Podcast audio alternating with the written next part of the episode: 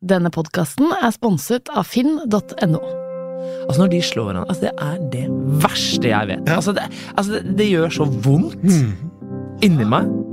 Jeg kan liksom ikke tro det. Og det, det med å skille mellom si følelse Ja. og atferd, Ja. Sinne er en følelse.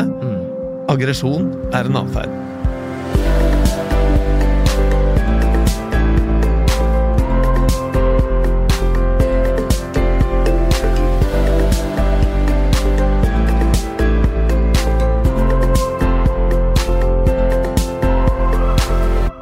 Velkommen til Familiekoden podkast med deg, Reidar Gjerman, og meg, Katrine Moholt. Hvordan går det med deg? Jeg syns det går bra. Eh, Sist jeg kjente etter, så eh, tenkte jeg at dette her eh, gleder jeg meg ordentlig til. Helt enig. Du er altså psykologspesialist og vår ekspert i Familiekoden, i både TV 2-programmet og i denne podkasten hvor temaet er foreldrestiler. Her skal vi rett og slett finne ut hva slags foreldrestil utvalgte kjendiser har gjennom en uformell test, som du som hører på også kan ta på tv2.no familiekoden. Og dagens gjest, det er deg, Peter Bubresko, journalist og programleder i God morgen Norge på TV 2. Du er samboer med Alexander Herresdal, og dere har sammen tvillinger på sju år, en gutt og en jente.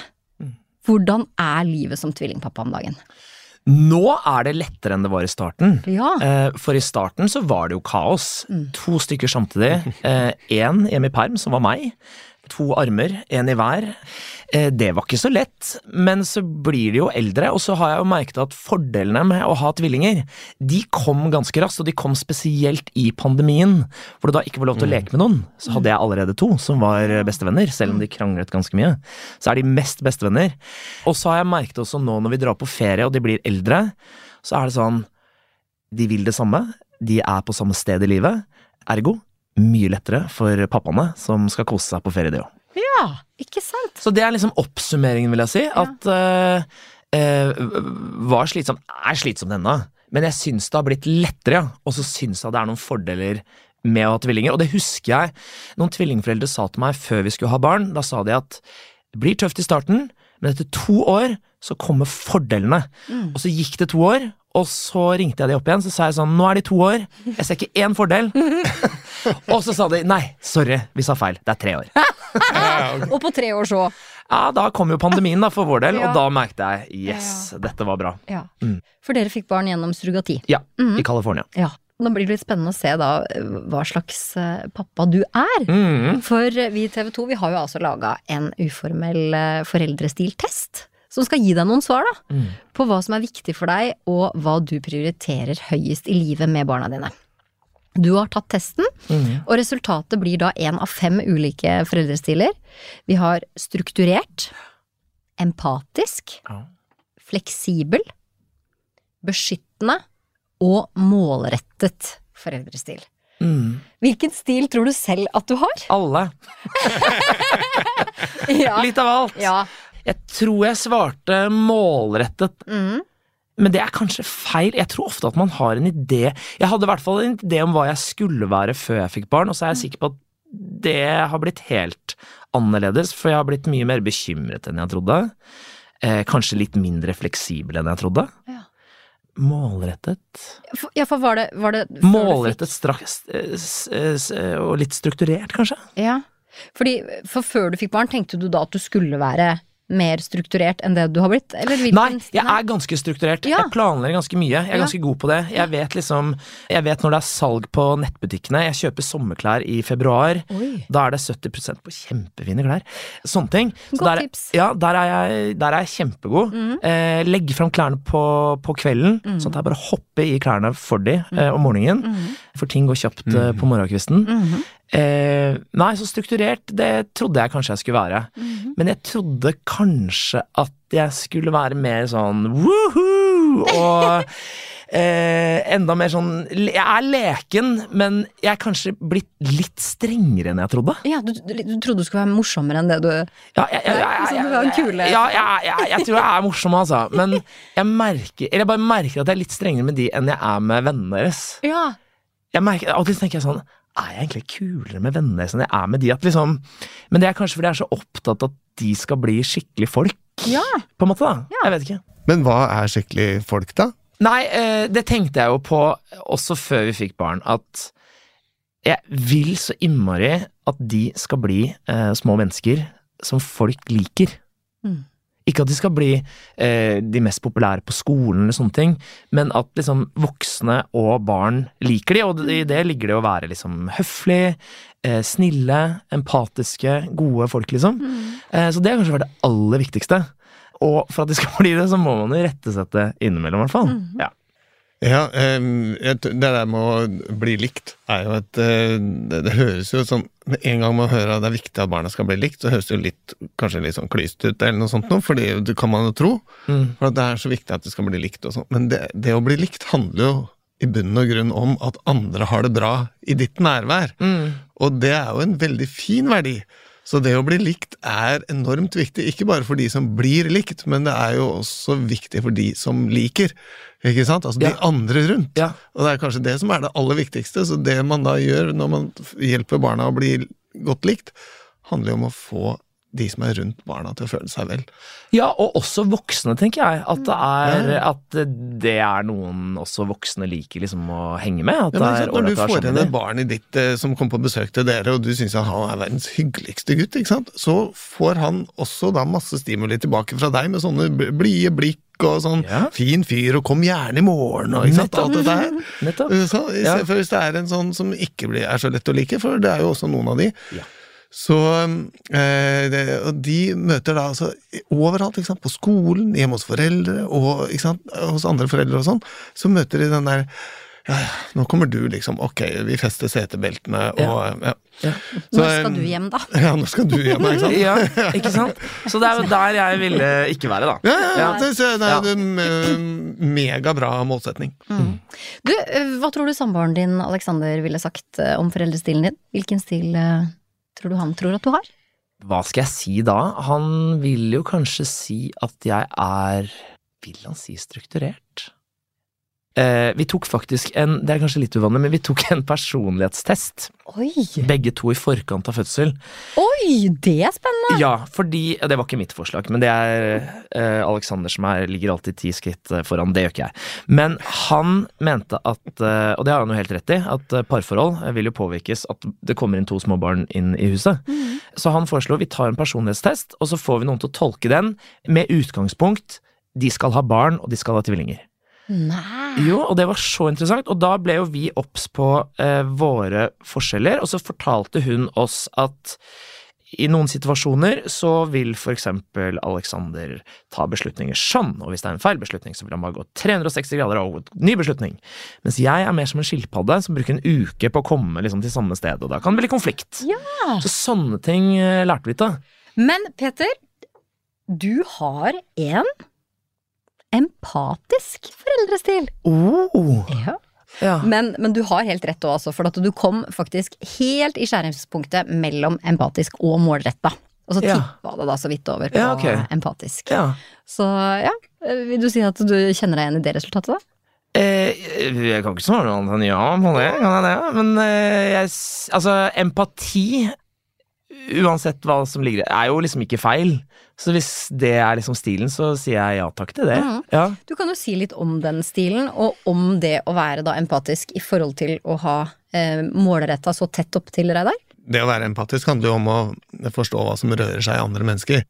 Og eh, på en måte føle hele tiden det de føler, da. Og det er jo ikke bare med barna, men det er jo- gjelder jo også partneren. Mm. Så, eh, og så feiler man kanskje litt av og til på den lesingen, men det er noe med en, en slags sånn grunntone hos den andre som man kan kjenne spille i seg selv, da. Men når du tenker på da at han har såpass eh, nært opp til det han selv trodde, da, med målretta, hva kan du si om målretta foreldrestil? Ja, så, eh, det virker jo som om i dette tilfellet at din målretning eh, handler om altså, at dere skal kunne gjennomføre dagen på en måte som gjør at alle fire kommer sånn rimelig knirkefritt igjennom, da. For det er en del ting som skal skje. Men jeg har ennå ikke hørt at du har sagt at det er viktig for deg at, uh, at barna blir flyver eller lege eller uh, superstjerne. Nei. Ikke sant? Så uh, det kan hende du tenker at du er målretta, men at du kanskje i hvert fall liker å ha det litt sånn ryddig på den måten at det skaper ikke unødvendig kaos og stress, det er, er ikke det en fin ting, da? Jo, øh, jo, jeg vil jo si det. Vi har jo liksom prøvd å få bort eh, kaostoppene eh, fra start, på en måte. Men det, det som er, som du sier Reidar, i forhold til det med empatisk, i testen her så viser det seg når du, når du svarer på spørsmålet barnet blir lei seg fordi noen har sagt noe eller gjort noe som opplevdes ugreit, og da svarer du vi snakker om det, men barnet må lære seg å takle motgang. Vi oppfordrer barnet til å forsøke å finne løsning selv. Ja. Eh, og hvis barnet ditt har gjort noe dere har klare regler imot, så svarer du at jeg forsøker å finne ut hva som ligger bak at regelen ble brutt, og har en god samtale slik at barnet forstår regelen. Ikke sant? Veldig empatisk. Ja, Men så har du med, med, ja, med litt strengere stemme enn det, da. men, ja, jo, litt Hva var det som skjedde Ja, nå? hva var det? Ja. Men så er det et interessant eh, i forhold til det med målretta. For i testen så svarer du på spørsmålet barnet ditt vil slutte på en aktivitet de er påmeldt på fordi de kjeder seg. Da svarer du at de får ikke slutte halvveis. De må lære seg at det kreves innsats for å bli god. Ja. Hvorfor er det viktig for deg? Altså For å summere opp alt det du sa nå, så tenker jeg at uh, At eh, livet er tøft. Så de kommer til å møte motstand mange ganger eh, i livet.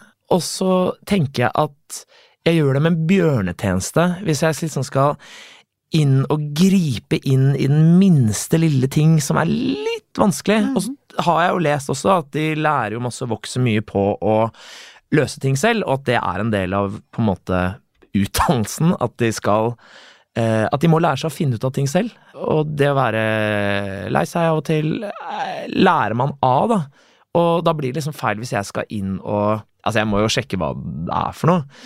Men det er jo noen ting jeg tenker sånn Nei, det, det, det skal dere faktisk prøve å rydde opp i selv. Det trenger ikke jeg å liksom bry meg med så mye.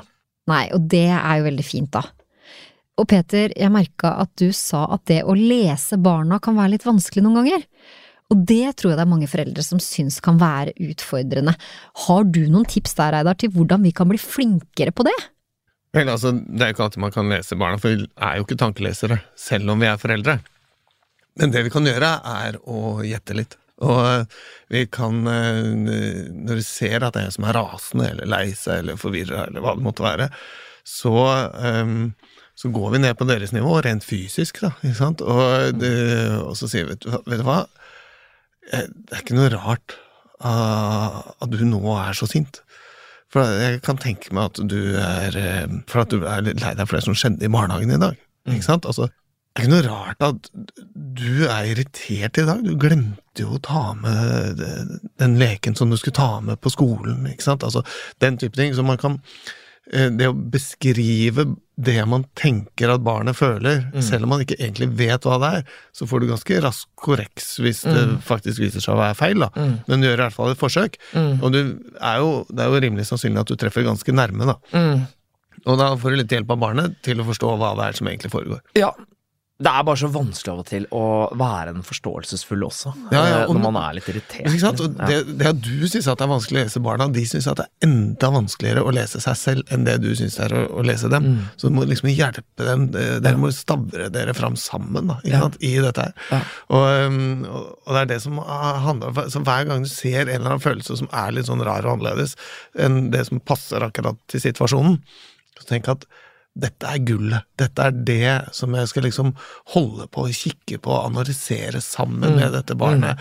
Og, eh, og så kan vi eh, liksom finne ut av hva dette handler om. Så neste gang han har den samme følelsen, eller hun har den samme følelsen, så eh, så gjenkjenner de det som 'Å ja, ja, riktig, dette her er noe som jeg gjenkjenner, for jeg har vært på å besøke meg før'. Ja.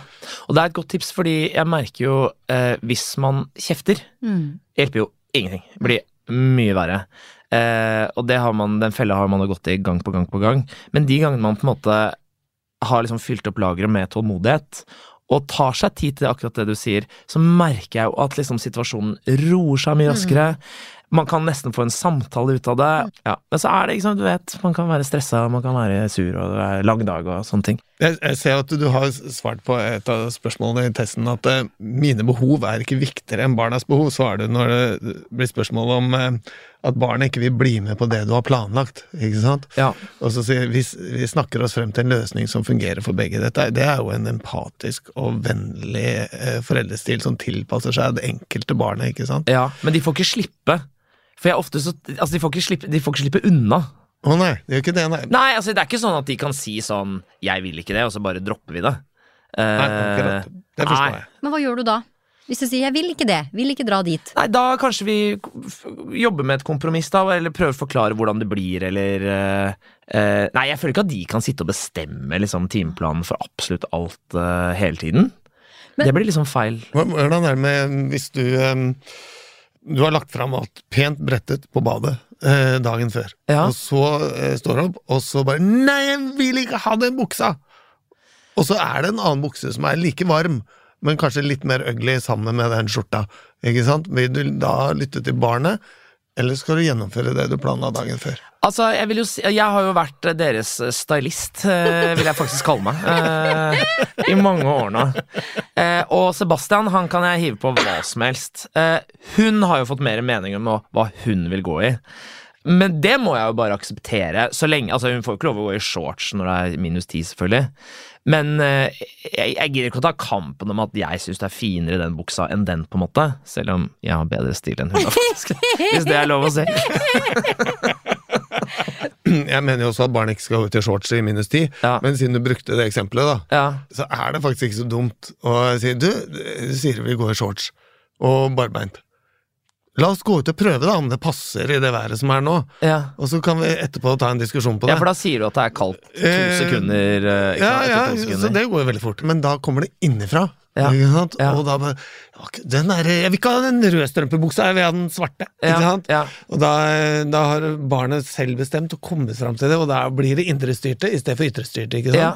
For de vet jo hvordan det er å, å fryse, fordi at eh, vi alltid pakker dem inn. Ja. Ikke sant? Så det å vite Altså bruke de signalene som kommer fra omgivelsene, da, det, er, Ja. det er ikke så dumt, da. Nei. Det er et godt tips.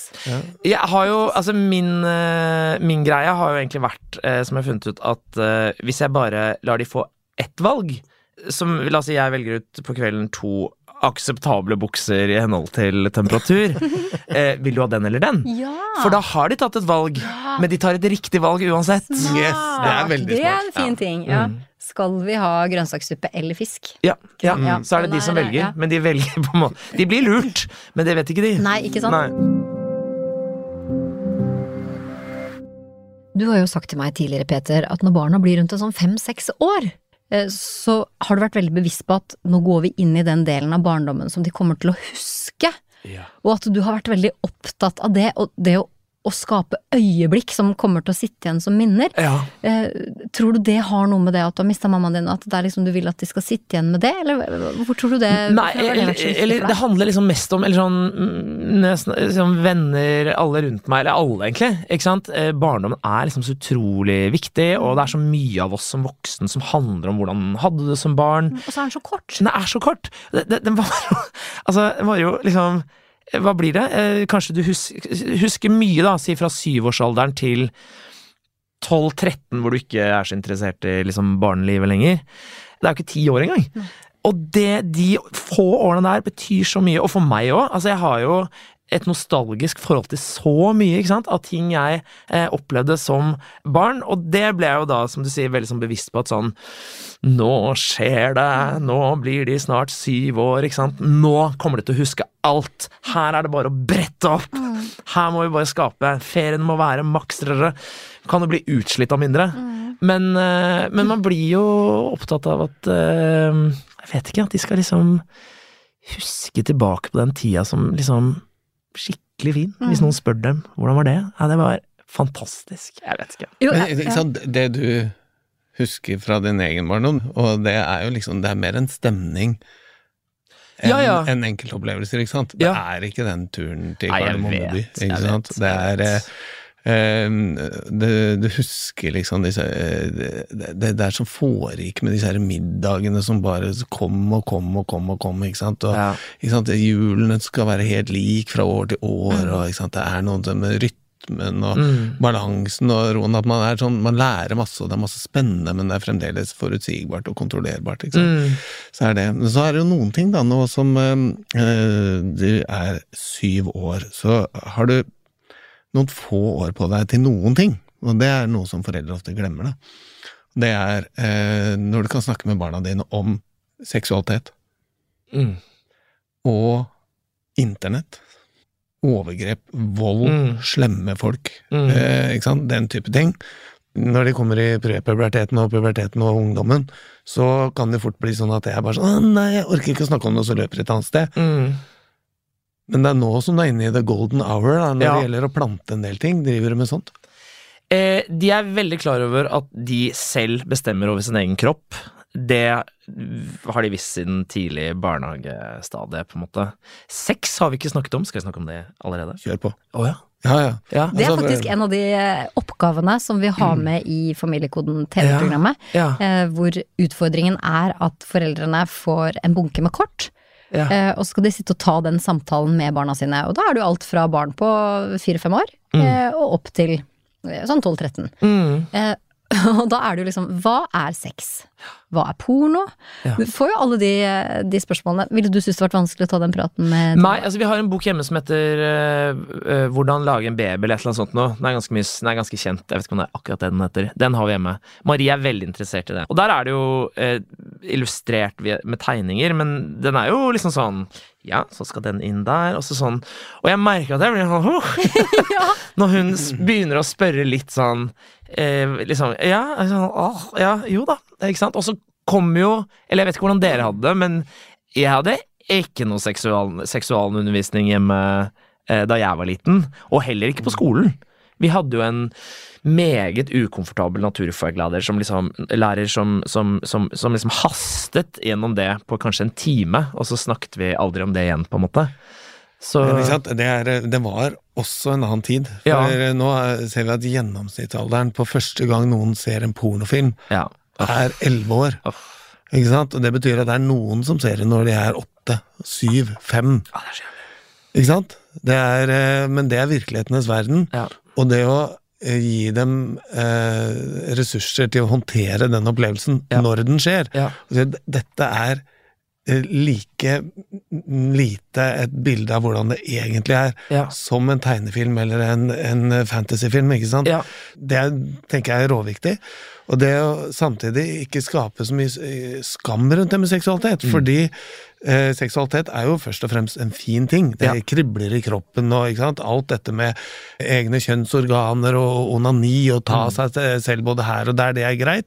Men så er det da eh, grensen at andre har eh, egne grenser, og de, og der skal du aldri gå over uten at man har fått tillatelse mm. til og den type ting. Nå er det mulighet til å snakke om sånt, da. Ja.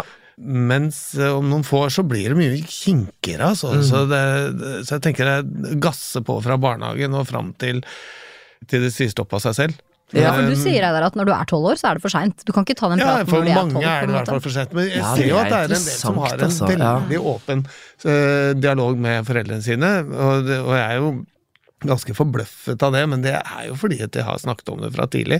Nei, altså jeg kjenner jo noen som, eller vet om noen som, hvor tenåringssønn nå har ligget for første gang.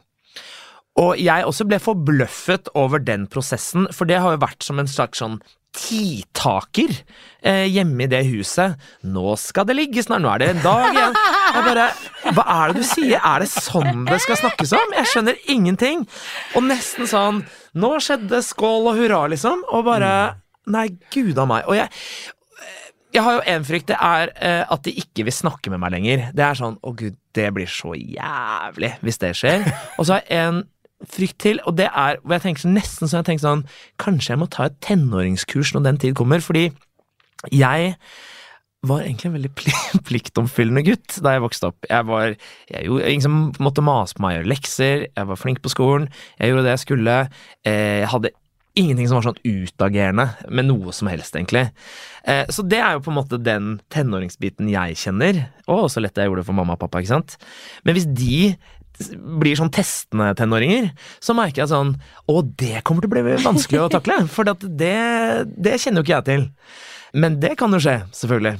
Ja, det Ja. kan uh. Sannsynligvis. Og, uh, det, det gjelder jo å ruste barna også til å bli gode på å improvisere på det som de møter underveis. Mm. Uh, hvordan tenker du at den relativt strukturerte stilen din ruster dem til å bli gode på å takle uventede ting? Jeg tenker at de, de Som dere sa, man tar jo med seg ting fra barndommen, så jeg håper jo liksom at noen av de tingene som jeg tenker er lurt, blir med videre, da.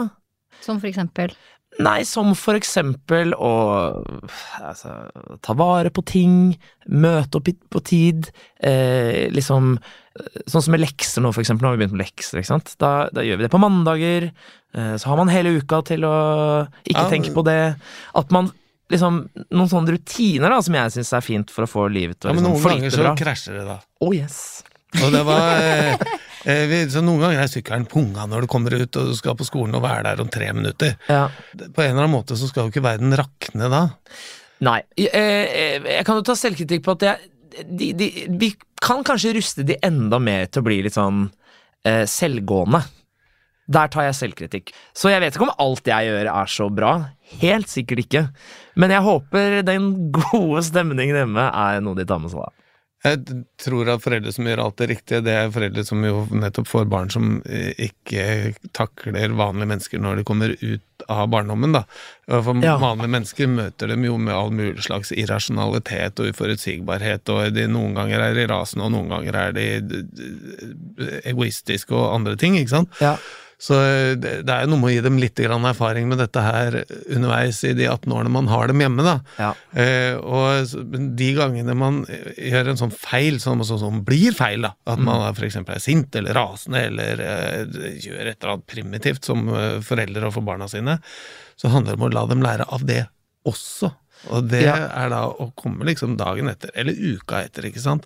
Eh, vet du hva, da du ble så sint i butikken, så så sa jeg ting som jeg tenker at du har gått og grunna på etterpå. Det eh, vil jeg bare si unnskyld for. Ja. Det burde ikke jeg som voksen Nei, ha gjort. og det burde man gjøre hver gang, egentlig. Hver gang. Ja. For at, Er du god på det? ikke, Eh, Si ja, det vil jeg faktisk si jeg er. og trikset når du sier unnskyld, er jo da å eh, si unnskyld for at jeg prikk, prikk, prikk. Ja. Uh, og jeg kan se at det gjorde sånn og sånn med deg. Ja. Ikke sant? Ja. Og da er det om å gjøre også huske å ikke si 'men'. Du får faktisk ikke lov Nei, ikke å tegne på veggen. Nei. Ikke sant? Altså, Altså, ordet menn er egentlig litt fy-fy i ja, Ja. ordet 'menn' er fint. Ja, ja så, Så, så felle det-. Ja, for det har jeg blitt veldig bevisst på etter at vi ble kjent. Reidar. At for det er så fort gjort å si 'jeg skjønner så godt at du reagerte sånn og sånn', men du må jo forstå at jeg også følte at det ble Men, da har jeg, men er som du sier, Reidar, da har vi ødelagt det. For da har jeg sagt at jeg, jeg, jeg skjønner det, men så brukte jeg det 'men' fordi at Så har jeg på en måte ødelagt det unnskyldet likevel. Men har de da skjønt at de ikke kan tegne på veggene? Ja, det vet du jo fra før. Ja. de gjør jo kanskje det. Ikke sant? Altså, når Ja. du da går og sier for tiende gang til en som jo lærer etter én gang, at Ja. du kan ikke slå søsteren din. Nei. Ikke sant? Altså, det vet jo han fra før. Ja. Eh, så det trenger du ikke å si. Nei. Men du kan si eh, Ikke sant? Så det, det jo Ja, for da er det fort gjort å si Mm. jeg, 'jeg skjønner at du ble sint på søsteren din nå, men du kan jo ikke slå! Du vet jo at det er kjempevondt for henne!' Så er man Og da er måte litt i gang starten ganske igjen. god. ja, for det Ja. sier jeg hele tiden. Ja. Ja. Ikke sant? Så, det er, og det, så eh, jeg skjønner godt at du ble sint nå, for den tok jo din brannbil, som du hadde tenkt Ja. å leke med, og så la det være der. Ja. For han vet at han ikke skal slå noen i det hele tatt. Ja. Verken faren sin eller søstera si. Eller noen andre. Altså Når de slår hverandre altså Det er det verste jeg vet. Ja. Altså, det, altså det, det gjør så vondt. Men, og da meg. er det og så, Jeg kan liksom ikke tro det. Og det, det med å skille mellom si, følelse Ja. og atferd, ikke sant. Ja. Sinne er en følelse. Mm. Aggresjon er en atferd. Mm. Det ene er lov, det andre er ikke lov. Ikke Ikke, sant? Og da er det stopp! Mm. Ikke sant? Gå inn og kanskje fysisk avgrense det. Jeg skjønner at du er blitt sint nå. Mm. Det er jo ikke noe rart at du ble sint. For du hadde jo lyst til å tegne med blått akkurat nå, og så kommer hun og så hiver oppi masse gult, og så blir alt grønt. Mm. Ikke sant? Det er, eh, da validerer du og anerkjenner de følelsene, og det, for det er jo sint. Du Mm. kan ikke si at det er forbudt. Og så skal vi stoppe der, ikke sant? Så skal vi stoppe der. Ja. Og så kan du ta, Det er tøft den den å stoppe der, faktisk, ja, men og, eh, selve, og, og det å instruere barn om hva som er lov og ikke lov, Altså Å lære dem noe i Ja. dette øyeblikket, det funker jo ikke. Nei. For da, den delen av hjernen er jo ikke tilgjengelig for, eh, for den type samtaler. Så det, hvis det er noe nytt de skal lære om hva som ikke er lov eller ikke lov, så får vi ta det på et tidspunkt hvor det ikke brenner. altså. Mm. Men hvis du har begynt med det, eh, Katrine, og merker merker bedring. Ja, altså da skal jeg begynne med det òg. fordi det som er så gøy å se, det er at da forsvinner situasjonen. Mm. Altså, ikke sant, Når jeg da gir forståelse isteden Jeg skjønner at du ble kjempesint. Mm. Det er klart du blei det. Altså, la oss si tegne på veggen. Da. Jeg, jeg skjønner jo at det var kjempegøy for deg. Du hadde fått de nye tusjene, og så sto den fine tapeten der. Jeg skjønner jo det. Mm. Og så bare lar jeg det være. Og så veldig ofte da så kommer jo hun med egne ting som sier sånn Ja, men jeg, At det er hun som faktisk sier mennene. Mm. Ja, men jeg, jeg burde jo ikke det, for jeg veit jo at dette er jo i stua, jeg skal Ja. jo ikke det. Da kommer plutselig, så blir jeg helt sånn derre Og så ringer jeg Reidar og sier Reidar, det funker! Ja. Selv om man kjenner at man har lyst til å anerkjenne eller validere en følelse, så gjør man, noen ganger så kjefter man for at andre skal se at man setter grenser. Ikke sant? I butikken, for eksempel, da, Mm. når eh, man har vært så dum at man henter et sultent og sliten barn Ja. fra, fra barnehagen eller SFO. Ja. Ja, for det sier du er ikke lov. Du sier at det er ikke lov å hente barna på SFO eller barnehagen, og så dra rett i butikken. Det er faktisk ikke man lov. selv har spist en sånn der mellombar på veien til barnehagen for å hente, ikke sant? Ja. og så drar man inn i butikken, og barna holder på å sulte i hjel, og så er det masse sånn matlukt og eh, digg Og det er ikke lov å si sånn. nei! Nei, det er ikke lov å dra dem med i butikken. Nei, sånn, ja. butikken når den er så sulten, for da vet man jo at da blir det jo eh, krise. Ja. Eh, og så legger de seg ned og skriker og 'jeg vil ha', ikke sant? Sånne ting. Og da, eh, da hender det at man får, lyst til å irettesette barna, ikke fordi man har bare lyst til å irettesette barna og få det stille, men for at andre skal se at man er en sånn forelder som ikke sant? Eh, som irettesetter barna når de ikke oppfører seg sånn som de skal. Mm. Men selv da så er det altså ned på huk. Jeg forstår at du nå er kjempesliten, og at du dermed blir sint. Og jeg tok deg jo med i i butikken, og du har ikke spist på flere timer. Ja. Ikke sant? Mm. Anerkjenne hva det er. Ja. Da, neste gang de får den følelsen, så er det litt mer gjenkjennelig. Ja, nettopp, ja, det er derfor jeg blir så rasende i butikken alltid. Mm. Ikke sant? Også, ja. Tenk på alle sånne vanskelige situasjoner som gull. Og de legger også for øvrig merke til hvordan vi snakker til hverandre, da, foreldrene. Så um, det å anerkjenne og validere en eh, medforelder er jo nesten enda vanskeligere. Mm. Men det lærer de også fra. Ja, ikke sant. Det, det er veldig spennende, og jeg tenker Peter, hvis du har et spørsmål som du tenker på, som du nå har muligheten til å stille Reidar, da. Mm. Er det noe du som du tenker i hverdagen som er vanskelig eller utfordrende, som du har lyst på å få et råd om? For jeg som har tvillinger, da, med to forskjellige personligheter, eh, tar jo mye tid hvis man skal liksom forholde seg til to ulike individer på to ulike måter absolutt hele tiden. Er det noen sånn shortcuts der for å på en måte ha en sånn gyllen middelvei? Eh, eller er det ikke det? Det er ingen shortcuts. Nei. Det er greit, å notere det. Ja, sant? Altså, Ingen det- shortcuts. det, Dette er jo to individer. Det er jo, først, de er jo ikke først og fremst tvillinger. Det er jo først og fremst Ja. seg selv. Ja. Så det, det å begynne å omtale dem som noe annet enn tvillingene, for eksempel, er jo en start. Mm. Og, så, eh, og så kan man da tenke at her er det to mennesker med vidt forskjellige eh, utgangspunkt, da. Eh, det hadde vært lettere hvis jeg var liksom mer med dem, som vi snakket om i stad, én til én. Mm. Men når vi er liksom sammen tre, så blir det sånn Ja, ok, men vær litt med dem en til en, da. Ja. Det er jo en måte å gjøre det på, det. Ja. På hytta alene og sånn, det er helt greit uten å ha noen annen grunn enn at nå er det bare oss. Ja.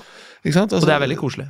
Ikke sant? Mm. Og da får du de derre de der lang, lang, den der langsomme tiden, ikke sant? Mm. Jeg har jo tre barn, Mm. eh, og, og, og jeg er veldig enig i det der å ha tid med én og én. Det Ja. er helt gyllent. Men det kan være sånn derre Ok, skal du sitte og spille litt Nintendo nå? Skal du og jeg da lage vafler? Kan vi to lage vafler sammen, og skal alle spise etterpå? Så står eh, Mm. kanskje hun og jeg og lager vafler på kjøkkenet. Altså det er sånn at man ba, Bare sånne småting i huset òg. Eller Ja. at, eh, at du og datteren din har en serie som bare dere ser, for eksempel. Ja. At skal vi se en episode i kveld? Og så Ja. kanskje du har det samme. Eller, eller en bok som du Mm. bare leser for han. Ja. For jeg vet ikke hvordan er legginga hos dere. Er det på en måte felles, eller legger du én og én? Én og én, men da er vi jo ofte to som legger én hver. Eh, av og til sover de på samme rom, hvis de ønsker det. Jeg syns jo det å bli foreldre har vært helt fantastisk. Mye koseligere og mye bedre enn jeg trodde. Eh, bortsett fra legging. Ja. Jeg hater legging. Hva skjer da? Er det si? Hvorfor er det Jeg så synes det er forferdelig. Nei, jeg vet ikke, det sånn? er et eller annet med at det er slutten av dagen, og så syns jeg vi bruker så lang tid på det. og de er to, girer hverandre opp, og så skal de leke etter at de har sett på barne-TV. Så skal de liksom leke videre, og så Jeg vet ikke, jeg føler jeg kan liksom ha kontrollen. Han er ganske god til å sovne kjapt. Hun ikke. Altså, hun Han er, han er vel A, og hun er B-menneske, da.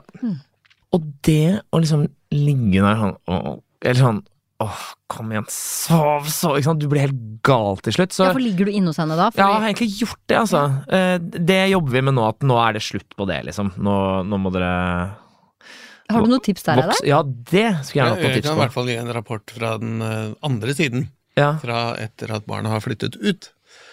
Og, eh, for jeg, jeg husker jo tilbake til den tiden da eh, med, med legging, og at det av og til var jo eh, et slit, for det var så mye annet som skulle skje i livet, og man skulle sette over en vask, og man skulle planlegge dagen etter, og man skulle dit og datt, ikke sant? ja, ja. Men det er det jeg savner mest. Det er det, ja. Det er Tenk det, ikke sant? Du har eh, det altså nesten all den tiden du skal ha sammen med barna dine før du dør, den har du før de flytter hjemmefra. Ja, og så er det jo koselige ting òg. Det er jo da de ofte snakker i mørket der og «Ja, en ting til, en ting til, en, en mm. ting til. Men det er jo et eller annet med kanskje tålmodigheten Tanken begynner å gå litt tom, da, eh, mot slutten av dagen. Og, bare sånn, ja, og etter hvert som du blir eldre, jo mindre kveld får man. Man skal jo ned og kanskje tømme en oppvaskmaskin. Et eller annet. Forhåpentligvis kanskje sette seg i sofaen og se på nyheter, eller et eller annet. eh, bare for å få liksom, et lite avbrekk. Jeg vet at jeg kommer til å savne det. Jeg kan få sånn klump i magen allerede når jeg tenker på hvor fort dette går. Så gruer jeg meg. Nei, det er, um, det er spennende. Hva syns du du kommer til å ta med deg etter dette her, da? Etter denne samtalen her, er det noe du kommer til å ta med deg? Altså Det som er tatovert inn i hjernen min nå, er jo helst det derre mest det derre eh, Men ikke gi dem skyldfølelse Mhm. etter beklagelsen. Absolutt. Eh, og kanskje tenke enda mer tålmodighet, og være bevisst på, eller obs på, at dette går så fort. Nyt det. Mm. Mm. Og er det én ting jeg har lært som jeg kan jo dele, som jeg har egentlig fått mye ut av, er jo Det var en som sa til meg en gang Bare si mer ja. Ja. Bare si mer ja. Og så tenkte jeg ja, vet du hva. Altså, det har hjulpet meg masse. For det er jo no, i, sånn I starten så merket jeg sånn at jeg kunne bli sånn Nei, nei. Ikke sant? Sånn Jeg vil ha en klementin til. Nei, nå har du fått en klementin til. Bare sånn Gi han en klementin, da. Ja. Samme det, liksom. Ja, for, for vet du hva, Ja. det, det, er akkurat det samme som, som vi har snakka mye om nå i forbindelse med familiekoden også. At vi må, vi må stille oss spørsmålet hvorfor sier jeg nei? Ja. Og etter at jeg begynte å stille meg spørsmål hvorfor sier jeg nei, så er det er det fordi at det er behagelig for meg å Mm. si nei, eller er det fordi det er direkte farlig for barnet? Det som de spør om. Det blir ja fra meg. Ja, det er bra. Det er ja fra blir meg, ja ja. fra meg. Dere, da lar vi det bli siste ord. La oss si mer ja.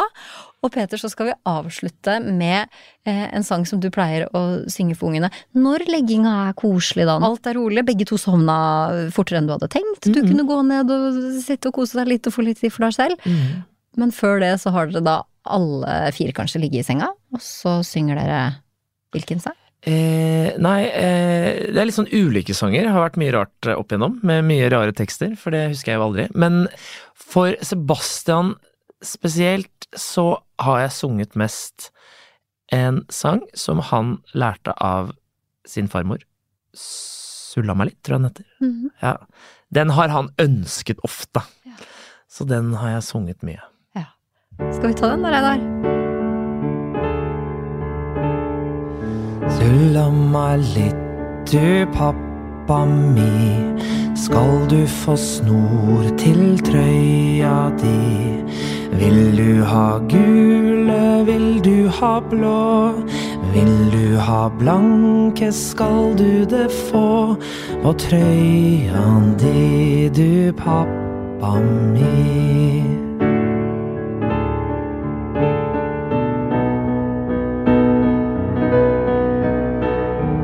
Tulla meg litt, du pappa mi. Skal du få snor til trøya di?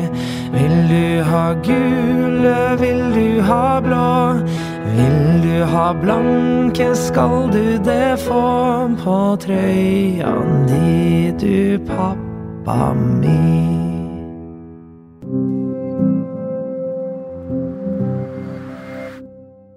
Denne podkasten er produsert av Monster for TV 2. Produsent er Kjersti Kvam. Research og booking av Tara Solli. Etterarbeid er Pernille Vikørn og Espen Rogne. Musikk av Espen Rogne. Ansvarlig produsent for Monster, Mira Khan. For TV 2, Mari Vattum. Og redaktør i TV 2 er Trygve Rønningen.